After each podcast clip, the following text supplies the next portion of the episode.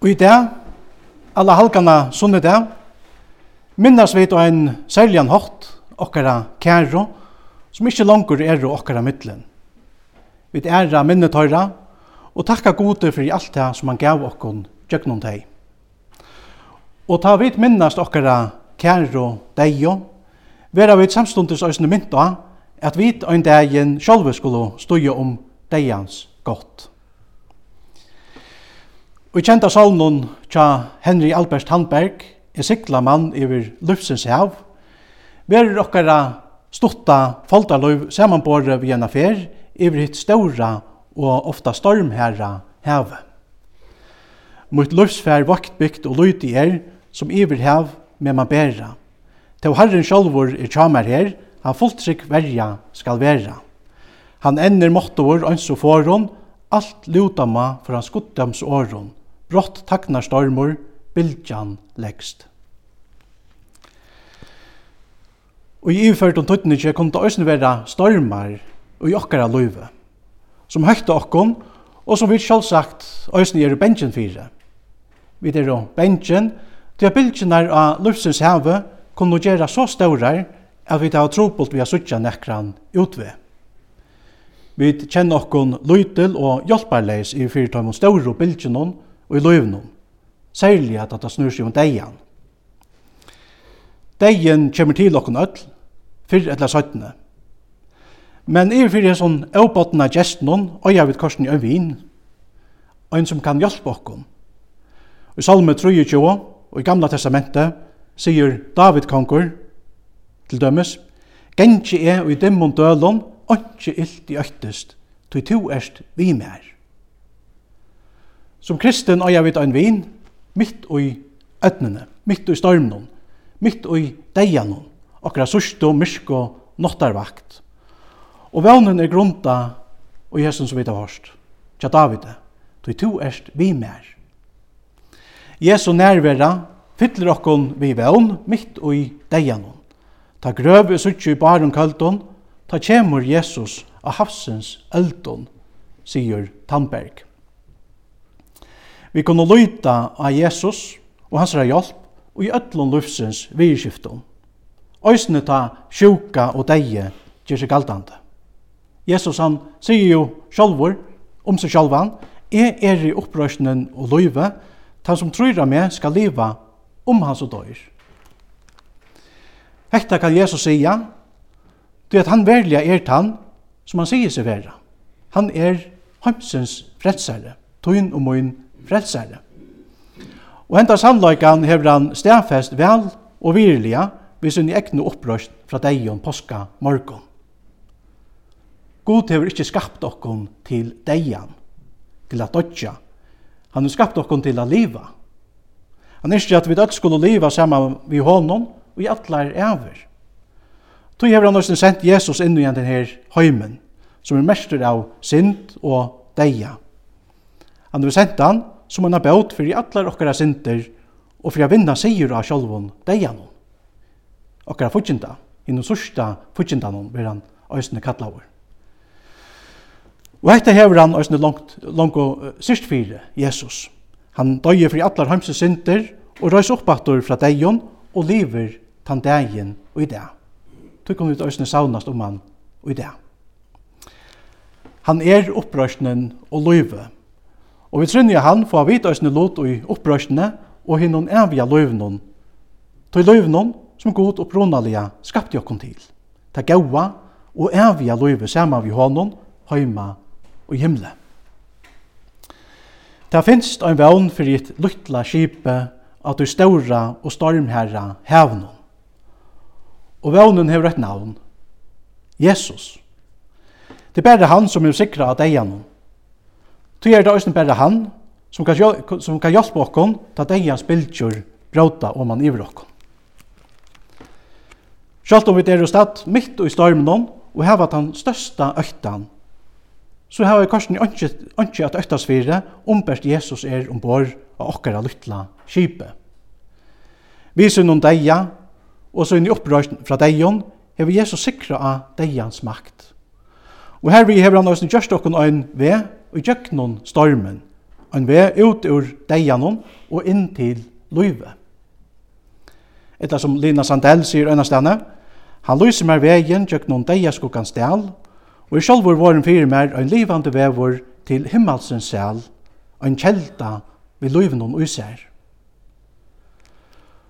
Om Jesus er ombord okkara løsfære, så er det avia løyve og hinn livande vevnen øysene ombord til okkon.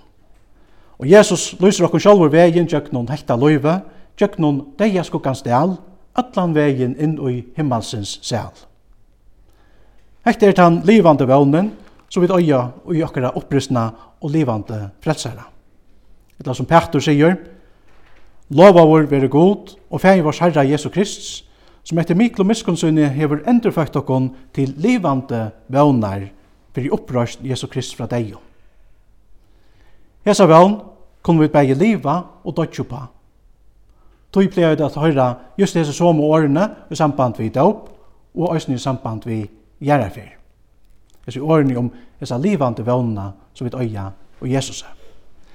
Deien er alls ikkje enden.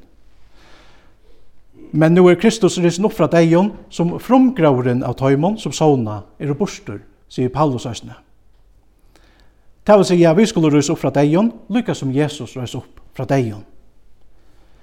Jeg tror at Jesus velja hever sikra av deianon, så merker dette òsne at du og jeg kunne letja okkara loiv, deia og okkara evenløyka i hans herra stersko hendur og sia som salmaskalde, Gentje er og i dimmon dølon, ontje illt i øktest, tog to erst vi mer. Høyast vi ferie etter ferie skulle fylltje okra kæro, til søgnast av strekje, og bera dem noen søgnast av høysan, så kunne vi korsen i alt og gjere hekta vi vevn og i okra gjørstum. Til at Jesus er en kjelda vi løyven og især. Han løyser okkom vegen tjøknon hin dimma dalen, og er sjalvor hin livande vevren inn og i himmelsens sel. Stegje, her vevnen om a suttje okra kæro aktor, verur til ein livande og evian veriløyka. Det kommer en dævor, ta ta verilige kan sigast at et fyrra er færre. Ongen djevel, ongen sjuka, ongen deie kan ta rørokken. Det er at nekka nukt er våre til. Nekka som verer i allar æver, og som vi tog i østene kom at njóta i allar æver. Hette det som Jesus er kommet at gjeva okkom. Og han har vurst okkom at han hever bæg viljan og måtten til å gjøre hekta til fullnær. Vi ser noen løyve, vi ser noen ondron, og vi ser noen egne opprørs fra deion, hever han vurste okkom hver han velja er. Han er han som sikreie av deianon, og som er opprørsnen og løyve. Og vi trunner han, hvor vi løyta fullt og fast av at òsne vit skulle få låt i opprørsene og i hinnom avja løyvenom. Og tog kunne vi da også tekka fullt og fast under vi salme, salmenon, så vi akkurat hava sunnkje. Lært atjer fadla, i nått i haun, farvel til avtrykka bildja. I letje med i hans kærlagsfaun som tryggvor mer vil du fylltja. Høyr kjentar røtter med blodja kattla, nu stilt mot atjer man nyer fadla, og trygg og sælo, kvildar haun. De som liva og dodja vi hese er det de som i dagsens tekst i Østene vil kalla salt, gjerreinar og jaus heimsins. Begge salt og jaus er nekka som vi ikke kunne være for jottan. Saltet det hindrar råte, og jausi hindrar okkon i at vittlast og i myskrunnen. Såleis er det Jesu viner òsne ein hindran fyrir råttenskapnon og myskrunnen og Jesu heime. Det er ikke nekka som vi kunne være ui okkon sjálfon, slett ikke. Nei, hette nekka, så vi er og i hånden, som sjálfur er gøskunar kjelda. Jesu viner er og salt og jaus, og i heimnon vekna Jesus, som sjálfur sier, jeg er heimsens jaus. Han er jause, og i løyvnån til ötlund heimon som elskar han, og fylgja hånden etter. Månen det er ikke være flere av okkon, som har kjent onkran som åtte Jesus, som sitt løfsens jævs. Onkran som levde og døye vi hese vøvnene i Jesus. Lykka som Jesus var jævs i tørra løyve, så løys har vi hese jøsne være jævs og salt i okkara løyve. Og til det jøsne enn, hevast det ikke langer er og okkara middelen. Etter jøsne til så vidt vi er mynt og i hebrea, hebrea braunen, her stendur, minnest velagjerar tikkara, som hava tala Guds år til tikkara. Lyd i at enda lyktene og av torra, og fylgje så trygg torra etter, stendig skriva.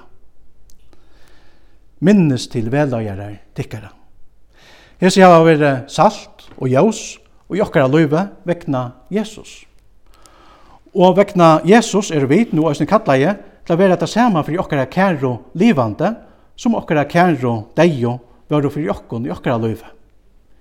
Vi er kattleie til at være salt og jævs.